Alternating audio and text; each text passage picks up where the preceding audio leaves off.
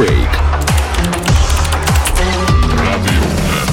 Стоп-фейк. ольга сямашкалі мікрафона у эфіры праграма стоп фейк і з траўня мы будзем выходзіць крыху ў іншым фармаце разборам асноўных міфаў беларускай расійскай прапаганды мы прысвецім больш часу. І паколькі наша праграма выходзіць у эфір напярэдадні 9 траўня свята якое беларусі з'яўляецца літаральна свяшчэнным для прапаганды то і сёння пагаворым мы пра асноўныя міфы другой сусветнай ці вялікай айчынай у афіцыйнай беларускай гісторыі таксама высветлім ці прыляцеў выніку лукашенко ў Москву Москву да Пуціным пагаворым пра ультыматум прыгожана і ці сапраўды расіянам бракуе зброі на фронте. А таксама пракаментуем самы гучны вырак апошняга тыдня стваральнікам тэлеграм-канала нехта. У прыватнасці нас будзе цікавіць асоба рамана Братасевіча і яе месца ў беларускай прапагандзе. Стоп-фейк.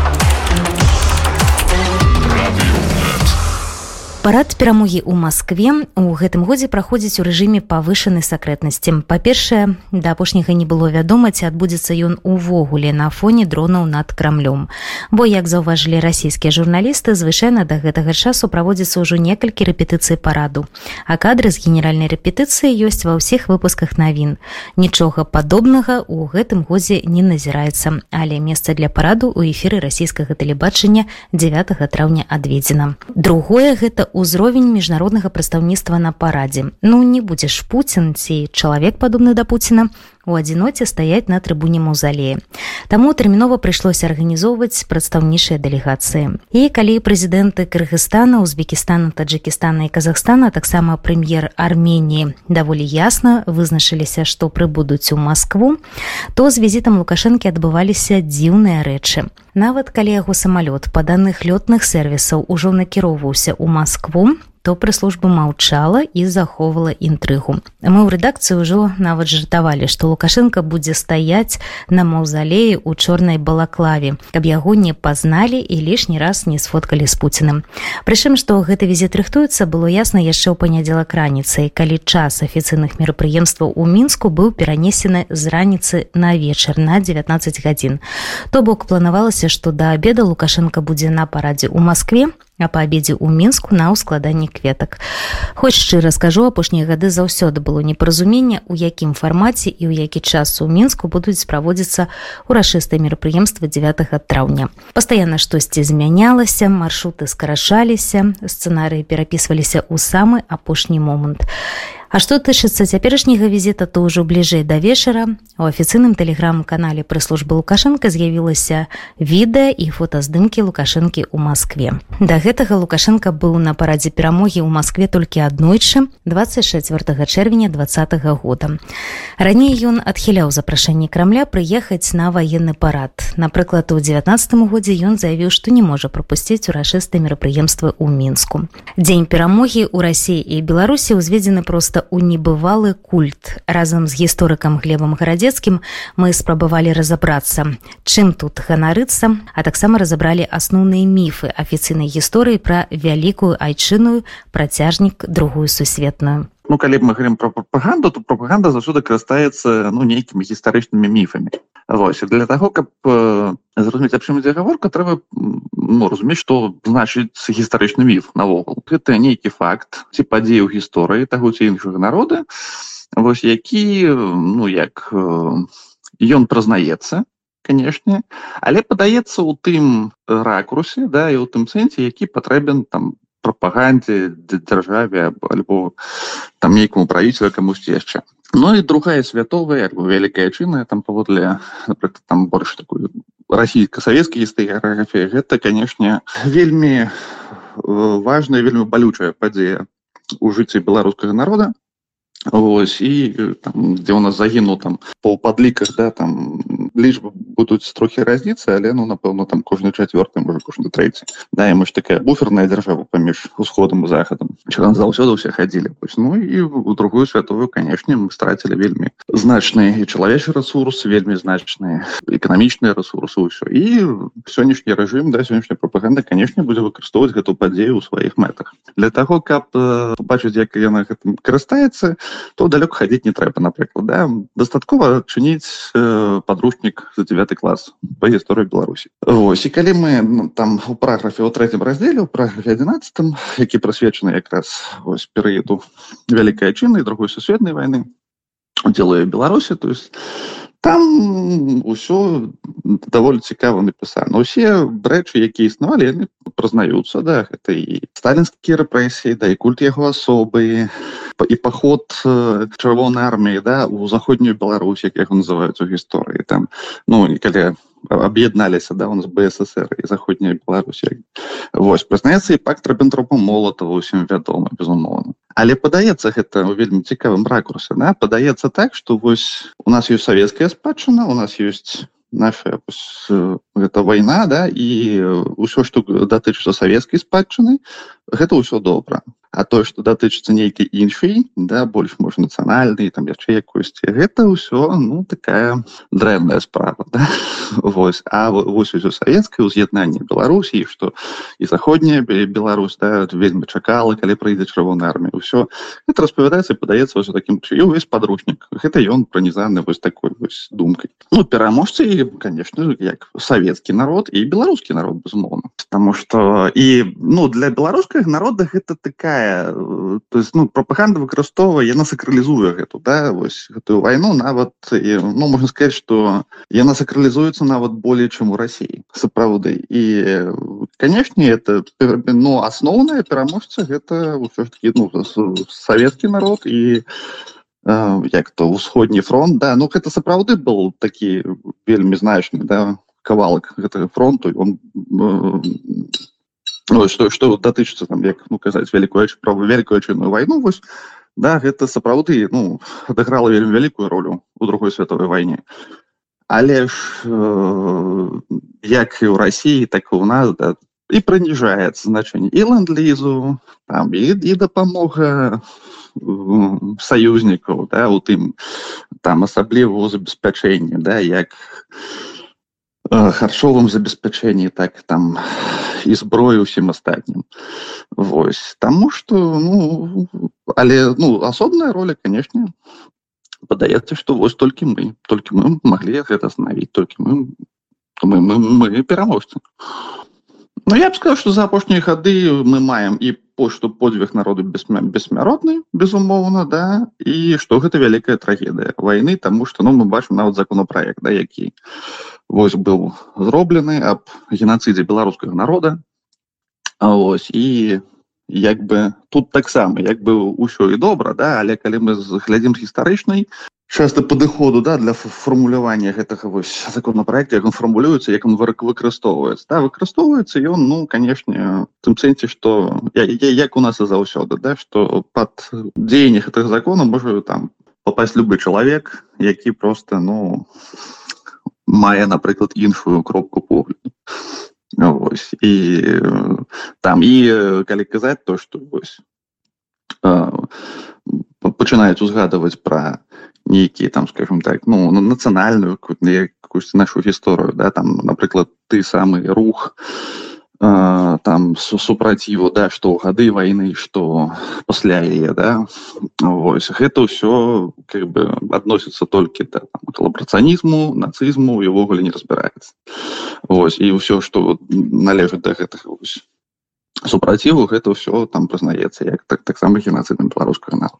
там я сказал что за апошнія гады ён такі ён зліўся что з адной справы так подвиг народу бессмяротная друг з другой справы конечно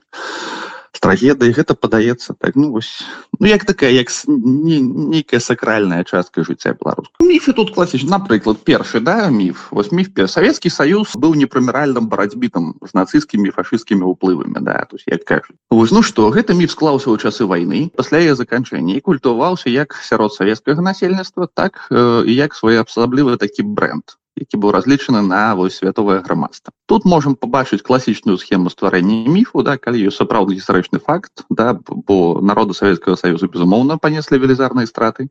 у часы войны да і ўсходні фронт адыграў значную ролю перамогі над краінамі асі але тут можна бачыць як э, прыбіраюцца незручныя дадзеныя і факт ператвараецца ў такі вось полезны міф як кажуць ну, калі пачаць разбірацца ў сітуацыі да сёння напрыклад там інфармацыі по гэтай тэме дастаткова хто цікавіцца можна просто звярнуцца до гугла сапраўды вот і там все можна знайсці то можна убачыць что Савецкі Саюз як і Германія мелі пэўнае жаданне да каб парушыць версальска вашингтонскую сістэму міжнародных адносінаў ну для Германії гэта было там что пасля первой мировой войны да нее былі накладзены ну санкцыі да як зараз кажуць абмежаванні у развіцці свайго военнага патэнцыялу ну а Савецкі Саюз намагаўся выйсці з эканамічнай палітычнай ізаляцыі Савецкі Саюз хацеў практычнай рэалізацыі святовай рэвалюцыі да распаўсюджвання камунізму па ўсім свеце тут яшчэ можна дадаць што ну напэўна у той час такія самыя крупныя вось две сістэмы да палітычныя таталітарны гэта якраз такі і быў то што калі раіх ужо пачынаў афармляцца ў Геррманіі так і асабліва гэты сталінскі савецкі саюз да гэта был ну Россию савецкім саюзе менавіт калі іх разглядаць под лупай то это две тоталітарныя сістемы якія вельмі падобныя таму свой час напрыклад у России нават быў выдадзен законопроект дзе публічна нельга было параўноўваць германскі рэйх і савецкі рэжым падобна кшталту сістэмы яны будуць ну амаль што аднолькавыя ўсе розніца будзе только ў нюанс Ну і калі далей пра міф то 16 напрыклад красавіка 1922 года паміж германіяй савецкім саюзам была падпісана так званая рапальская дамова аб супрацоўніцтве у тым ліку і ў военным кірунку. Пазней 24 з красавіка 1926 года была подпісана дамова паміж ссср і веймарскай республікай якая ў пэўным сэнсе развівала рапальскую дамову. І у выніку германія атрымала магчымасць гатаваць военных спецыялістаў на тэрыторыі саюза да чаго не могла рабіць нас на сваёй ну так как былі поўныя абмежаванні пасля першай сусветнай. І ў 1933 годзе на напрыклад нямецкі генштаб нават правёл супольныя вучэнні чырвонай арміі да ну які былі мэтай вось такая была трэніроўка перад падзелам Польшчы таму вось гэта першы міф і каб яго развянчаць гэты міф ну дастаткова вось толькі пацікаюцца ну другі міф таксама всем вядомы гэта пакт рабентропа молотова да? Э, нібыта ён быў э, падпісаны под прымусам знешніх абстая значит пакт рабентропа молотова да быў вельмі зручным для сталина і улічваючы яго экспансійныя планы у якія безумоўна уваходзіла распаўсюджванне свайго ўплыву на краіны Еўропы 21 жніўня 1939 года савецкая ўлада мэта накіравана правальвае перамовы з военными прадстаўнікамі Брытаніі Францыі да ну як прапаноўвае да са сваёй стороны у якасці умоў супрацоўніцтва атрымання под свой уплыў галічыны і віленскай вобласці. Гэтая тэрыторыя на той час уваходзілі ў склад Польшчы і 23 жніўня 1939 года у Москве быў падпісаны пакт вядомы рэбентропам молотова тэрмінам на 10 гадоў таксама да пакту быў скланы сакрэтны протакол паводле якога размяжоўваецца сферу ўплыву германії саюзу гэты пакт парушаў суверэнныя Польшы Латвіі Эстоніі і Фінлянды і цікава што нават у падручніках у нас у нас таксама прызнаецца у беларускам падру прызнаецца што ну дзякую Богу што прызнаецца. Ну публічна гэта яшчэ 90 гадоў пачалось канешне у савецкім саюзе гэта факт не празнаваўся агульна да вось ну а у 90 тады вот вот это пэўная адліга была то есть і такія складаныя пытанні пачалі разглядацца Ну і уже вы зразумелі што як бы ну не прызнаваць гэта зусім не атрымаецца таму як бы трэба прызнаць але паказаць гэта у пэўным ракурсе. Калі ў 90 пачалі открывацца архівы ну люди размовляць на гэтую тэму то напрыклад там ну гісторыкі такой больш там страніцкай сталінійскага накірунку яшчэ чагосьці то есть вось яны там тады пачалі казаць усупраць там пра мюнцінскі зговар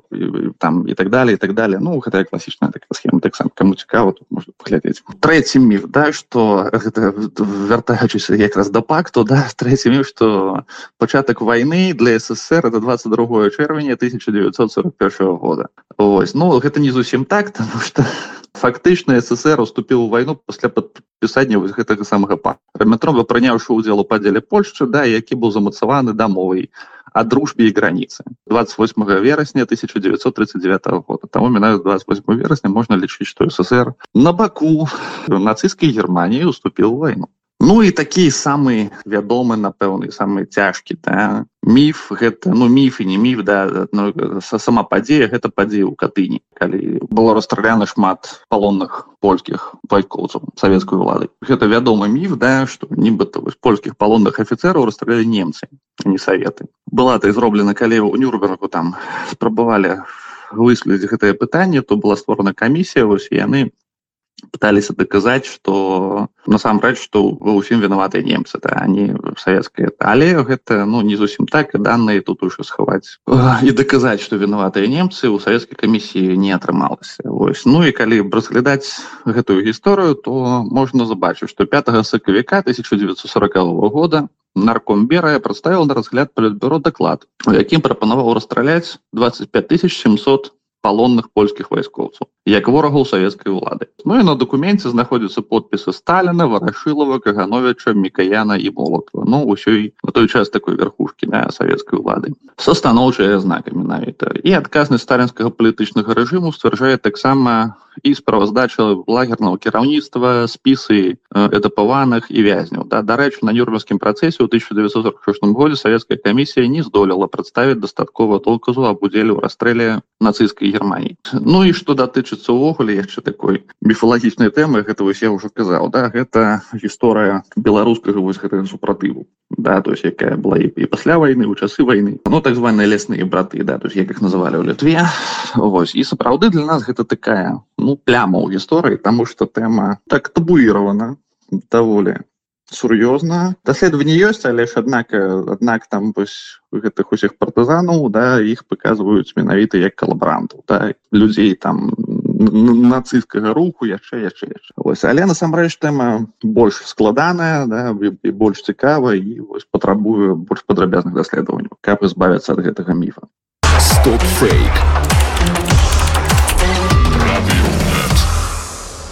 вельмі эмацыйным атрымаўся на гэтым тыдні зварот кіраўніка вагнераўцаў яўгена прыгожана да расійскага ваеннага кіраўніцтва. Было шмат нецэнзурнай лексікі. Але галоўны пасыл фарміраванні вагнер пакінуць пазіцыі под бахмутам з-за недахопу снарадаў і ўзбраення. Нібыта шайгу і герасімаў не даюць вагнераўцам неабходнай зброі і апошнія гінуць на фронте просто у прамысловых маштабах. Свой зварот прыгожан запісаў на фоне трупаў свежых трупаў якія павінны пацвердзіць яго словы. Пасля гэтага расіяне атакавалі кею адэсу і іншыя украінскія гарады. Да прыкладу па кеве былі выпушчаны адразу некалькі десяткаў дронаў чаго даўно не назіралася. Наколькі не хапае зброі ў расіян і як гэта бачыцца з фронту мы спыталі у добраахвотніка палка імя кастуся каліноўскага мінамётчыка батальёна волат з пазыўным лахвіч я не скажу что я не чую выбухи. Э, у ворага